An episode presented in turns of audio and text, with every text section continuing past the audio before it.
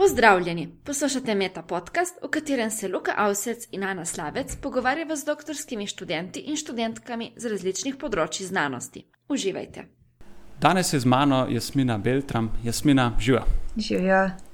Tale intervju snimava preko Skypa, tako da upam, da bo zvokom vse v redu.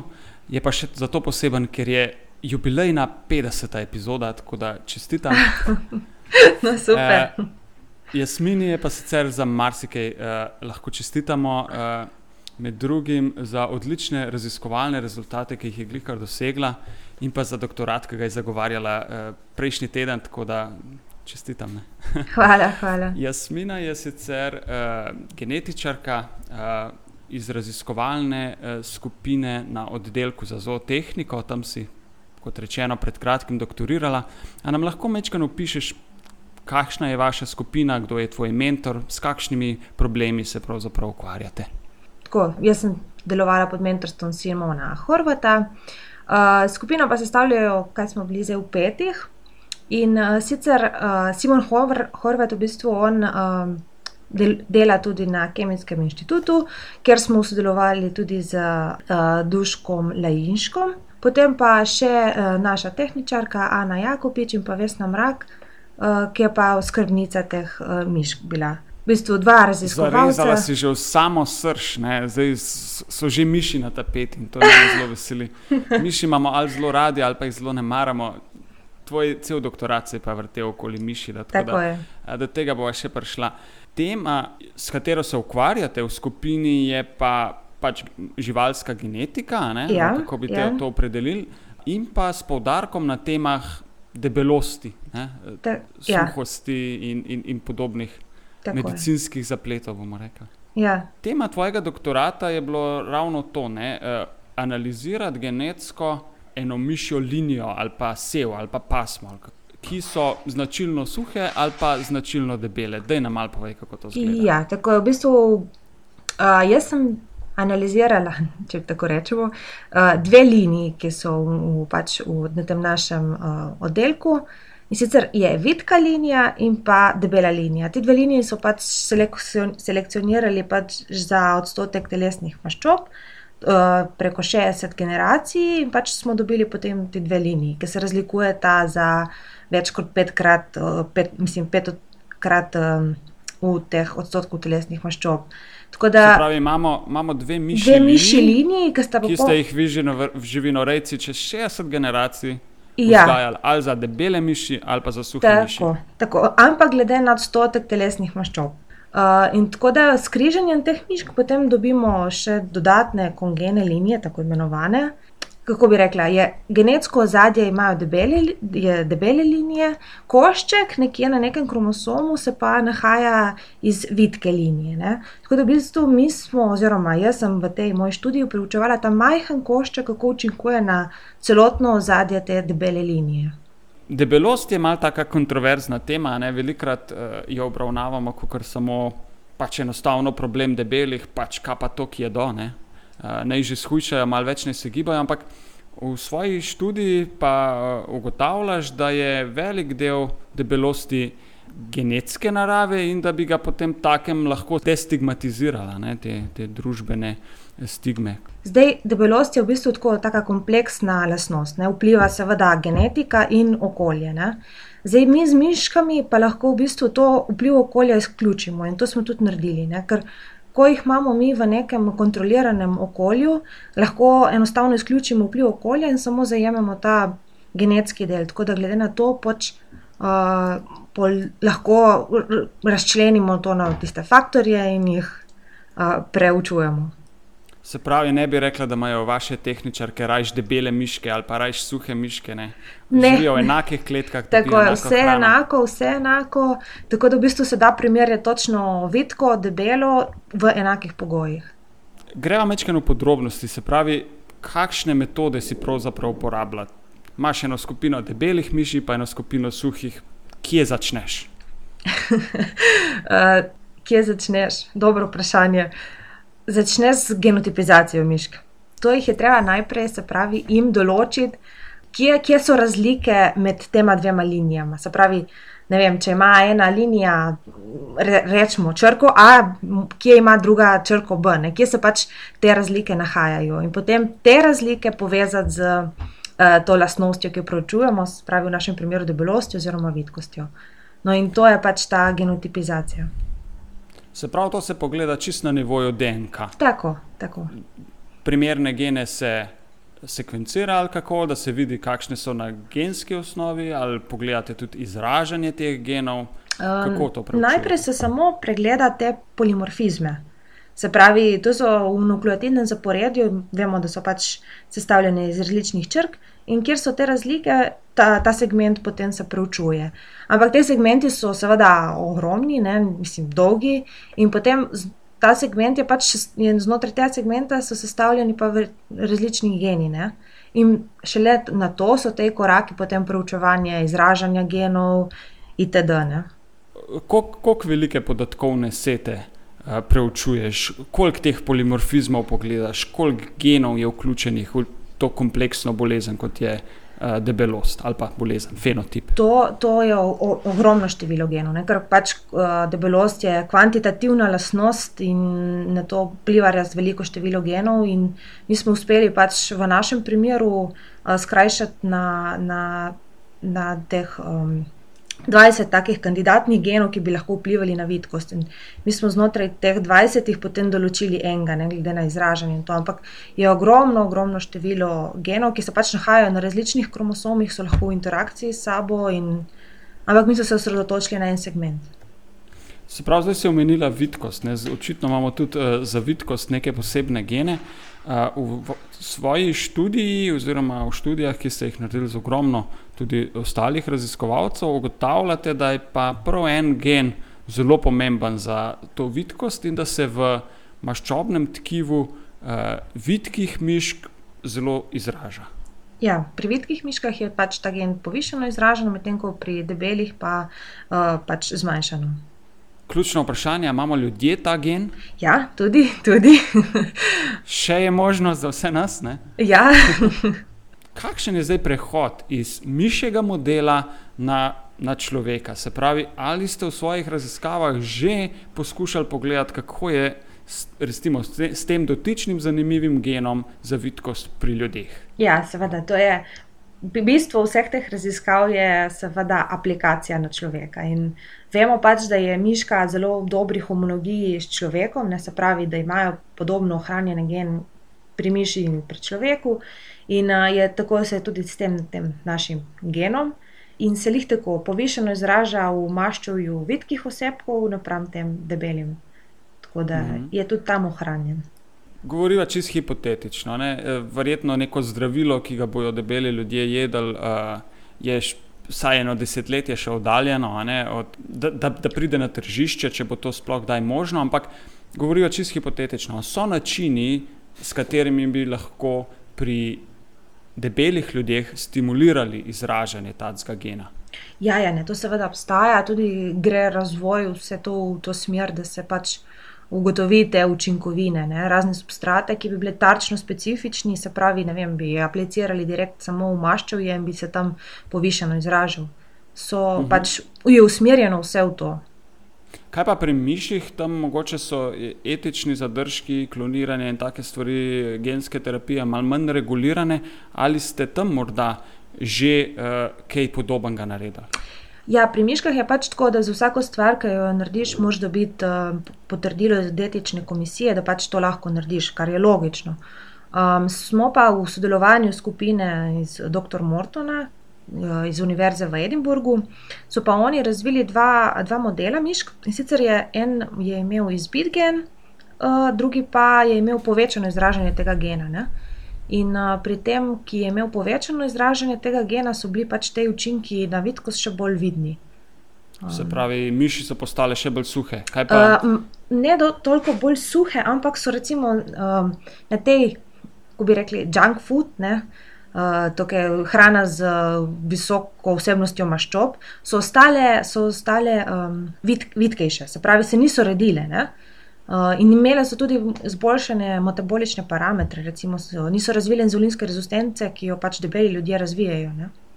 Uh -huh. Kaj pa miši brez tega gena? Miši brez tega gena so pa je spet. Ni, da bi vplivalo, da bi imele več maščevja, ampak so imele te metabolične parametre porušene. Ne? So razvili inzulinsko rezistenco, uh, poslabšano glukozno toleranco in vse pač v to smer. Diabetes tipa 2. Tako.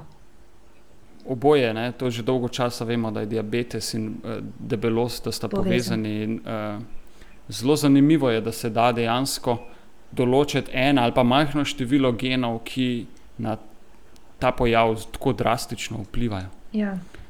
Uh, omenila si uh, raziskovalce iz Edinburga. Predstavljam si, da uh, za študije tega kova je treba imeti zelo veliko različnih sodelov, da lahko uh, narediš tako kvalitetno raziskavo in priješ do tako kvalitetnih objav. Nam lahko poveš, mogoče, kdo vse sodeluje, kakšni profili, mogoče čisto konkretno, kateri raziskovalci iz katerih držav, institucij.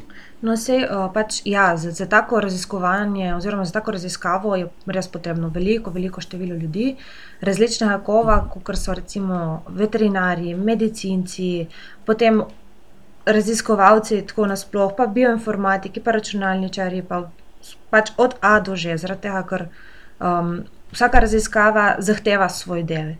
Ne? Se pravi, eden, ki bo raziskoval pač samo miš, uh, eden, ki bo rezultate spravil skupaj, eden, ki jih bo obdelal. Pač to je, um, tudi, tudi za to študijo smo pač bili iz Slovenije, iz Edinburga in pa tudi v, um, iz Finske in Švedske. Ne? So sodelovali, uh -huh. tako da res pač um, zajet res ogromen kol ljudi.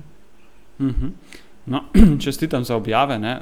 Uh, Tvoje članka sta objavljena v Nature Medicine in v BMC Genetics. Ne, uh -huh. To sta oba zelo visoko profilirana, uh, zelo rekel, žurnala, ki sem na robu stavek začel, se pravi, znanstveni reviji. Yeah. Kaj zdaj, kako naprej? Ali imate kakšne jasne cilje, kam zdaj to peljati? V neko predkliniko ali v naprej raziskovati bazične raziskave na živalskih modelih, ali razvijati mogoče zdravila tudi za živali, ali kako? Ne, seveda, pač cilj je peljati to raziskavo naprej, ker sama debelost se ne zaključi zdaj, oziroma vidkost ne, se ne zaključi zdaj s to, uh, da smo de- identificirali en gen, ampak je treba identificirati spet nove gene, ne, ki, ker vemo, pač ne vpliva samo ta, jih je več. In no, za, za ta specifičen gen, seveda, želja je, da ker gen ne poznamo, oziroma vloge natančne še ne poznamo, in ga je treba pač še na, nadalje preučiti. Se pravi, točno kako vpliva, kje vpliva, kako se izraža in vse, pač kako je povezan, v katerih interakcijah je to, da bomo pač prišli do tega, da bi lahko aplicirali uh, na zdravljenje. Ne? Se pravi, da bi prišli do nekih terapij za boj proti debelosti. Ne? In miši modeli, živalski modeli na splošno bodo tle gotovo ključno vlogo odigrali. Ja, seveda. Na človeku je to težko narediti. Ne? Nujno je delanje tudi uh, teh raziskav na, na človeških tkivih, ne? ampak vseeno, miš je pač organizem celoten in Pri svojih raziskavah vendarle ste uporabljali tudi nekaj človeških prostovoljcev, ki so dali svoje maščevje tako je. eh, Ja. znanosti na pogled. Kako je to delovalo? Uh, to so pa v bistvu uh, so skupine v različnih državah, ki pač dajo prostovoljno pač maščevje, in potem mi znotraj tistega maščevja pregledamo, kako se ti kandidatni geni izražajo. Eh, Zelo zanimivo, tudi malo hudomušno, upam, da ne bo kdo zameril. Vsekakor je fino, ne, da, da imamo uh, prostovoljce, ki so pripravljeni na ta način sodelovati Ja. v znanstvenih raziskavah. Še ti mogoče še kaj, kar bi dodala? Oh, jaz vam pohvaljujem, da je tako hudo. Mislim, Mislim, tako- ne, pač to je ful dolgotrajen, dolgotrajen postopek, um, ker res traja že ogromnih let od samega razvoja teh mišk, pa do identifikacije teh lokusov, ne, ki vplivajo na debelost, tako da to je res dolgo, dolgo, da smo prišli do, do teh specifičnih genov. Ne, da In zato tudi zdravila najbrž ne bo tako hmalo. Ne? ne, ne, po moje ne. Trenutno si tudi ti malo debela, ne si, si, Ja. si noseča, Akumuliram. nosečnosti, zato tudi se pogovarjava po Skypu. Eh, Čestitke za to. Kmalu boš mama, znanstvenica, pa si že, že zdaj odlična. Pr prvo vprašanje, kaj bi bila, če pa ne bi bila znanstvenica? Ne? Si imela kakšne uh, velike alternative pri upisu na univerzo, kakšna Um. likovna akademija na drugem mestu ali kaj podobnega? Ne, imela sem obramboslovje eh, na, na FDV-ju, tako neki XY, uh, ampak uh, želja pa recimo zdaj, uh, bi, če bi bila, bi bila tudi recimo veterinarka. Tako. Ampak bi prišla po moje s- še zmeraj do raziskav. Tega vprašanja ponavadi sogovorniki ne marajo. Koga od nam znanih ali pa neznanih bi povabila na večerjo, če ne bi bilo nobenih omejitev? Uh, Ja. Najprej kuhaš, kuhaš. Kuham, ja, kuham. Aha, no, to pa ne To ni ovira, ne. Sicer bi bila kakšna enostavna stvar, ampak ne, če bi, recimo, jaz um, zelo cenim to. Um, Temple Grandin, ni poznana, je pa ena profesorica, ki je avtistka na, v Ameriki in ona v bistvu uh, preučuje uh, obnašanje živali, ampak teh uh, v živinoreji. ne. In, Mhm. in pač ona me je zelo tako, ker sem enkrat uh, jo v enem filmu videla in uh, me je res tako prevzela. Ne- Sploh zato, ker je avtist in kako se je ona pač prišla do tega, je zdaj profesorica. No, res, njo, njo bi povabila, pa bi pa povabila tudi dva moja, um, ki poslušam, Bruce Springsteen in Willie Nilsson. No, te, te tri bi imela. Redu. Če bi imela milijone evrov za poljubno raziskavo, kaj bi delala? Dobro vprašanje, marsikaj ne. Uh, ampak Milijon evrov najbrž ni zelo veliko ne, za raziskave, s katerimi se sama ukvarjaš. je pa, Koliko stane, je pa ni, ne. koliko stane recimo imeti miši? Sam, sama miš ne stane dosti, stane njena oskrba, ne? ker je pač potrebno dnevno jo preverjati. Uh, pač to čiščenje, z- menjava vod, pa gor dol, pa skrbeti za njih, to je drago. No, sama miš ni, ni zahtevna. Um, je Koliko jih pa imate? oh, ta, na, na zadnje jih je bilo 800, nekaj takega. No, to je, mislim, ta ključen podatek, ki je ne manjka. V redu, Ja. nazaj k vprašanju. ja, no, z za milijonom? milijon evrov. Um, druga moja ljubezen so konji. In uh, mogoče bi kaj uh, v zvezi z uh, genetiko na konjih. No, tem, to me tudi nekam vleče, preučevala v tem smislu. Uh, in pa zelo me zanima, uh, da bi raziskovala te bolezni pri otrocih in sicer da bi določali te hitre teste, že kaj je otrok v maternici. Prenatalna diagnostika. Tako. Ti je, uh, zdaj ti to manjka.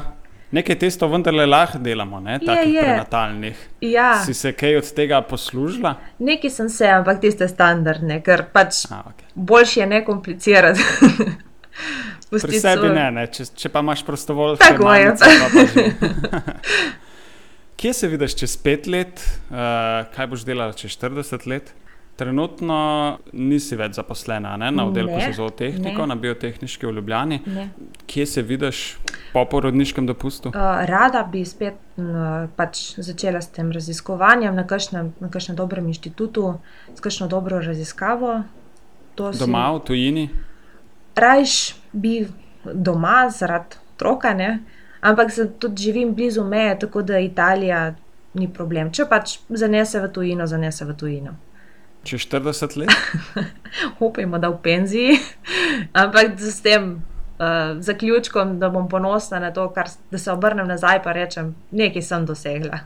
A Nam lahko priporočiš kakšno knjigo, film, igro, spletno stran? Uh, film kot film bi res pač uh, ta od Temple Grandin, uh, ker je res super prikazano to o avtizmu in vse v tej živinoreji, in to je super film. Mogoče bi pa pol še recimo knjigo, ker sem jo prebrala v začetku srednje šole in je uh, naslov je E je M krat C na kvadrat. In je tudi pač o samem, o sami, o samem odkritju te enačbe, ampak je tudi dobra, dobra knjiga, priporočam. Imáš kakšne standardne izgovore, ki si jih izmišljuješ, ko, zav, ko zavlačuješ, recimo s pisanjem člankov, doktorata in tako naprej? Kaj ponavadi počneš, ki je bolj nujno od tistega, kar je nujno? Ja, uh, ja to so zelo tipični. Um, recimo, pač za, za pisanje teh člankov, oziroma za branje, ali pa za samo študijo, je treba prebrati članke, različne članke in veliko člankov. In uh, veliko krat se mi dogaja to, da enostavno zaidem iz poti. Me berem, berem, pa ne, bi, ne berem več tistega, kar bi mogla, ampak zaidem v neko drugo smer, ki nima nobene povezave s to in izgubim tam eno, dve, dve uri. In druga je pa ta, um, da imam blokado. Enostavno se, se odločim, da je blokada in konec. Kaj takrat počneš potem na mesto študija? Brskam po internetu. Različne stvari okrog in okrog, pa se motiviram. Če bi morala izpostaviti eno samo stvar, ki bi ti v tem trenutku lahko znatno izboljšala kakovost življenja, katera stvar bi to bila? Trenutno, da bi bilo dva par stopinj manj, ker je res toplo. Ne, uh, brez heca. Recimo. Uh, da bi ljudje ne bili tako oskogledni. To bi bilo res, bi izboljšalo kakovostno. Jasmina Beltram, hvala za pogovor. Hvala vam. Poslušali ste Meta podcast, ki ga pripravljava Luka Avsec in Ana Slavec. Pogovarjava se z doktorskimi študenti in študentkami iz različnih področji znanosti, ki so tek pred zaključkom doktorata. Meta podcast domuje na spletišču znanost.metinalista.si, v drugi sezoni pa sodelujemo tudi z Društvom mladih raziskovalcev Slovenije. Pohvale, pripombe in predloge za bodoče goste nam lahko posredujete po e-mailu znanost.afnametinalista.si ali pa nas poiščite na Facebook profilu Metine liste in na Twitterju, kjer uporabljava hashtag metapodcast, Luka tvita kot at inlife, jaz pa kot at aslavec. Naslišanje čez 14 dni.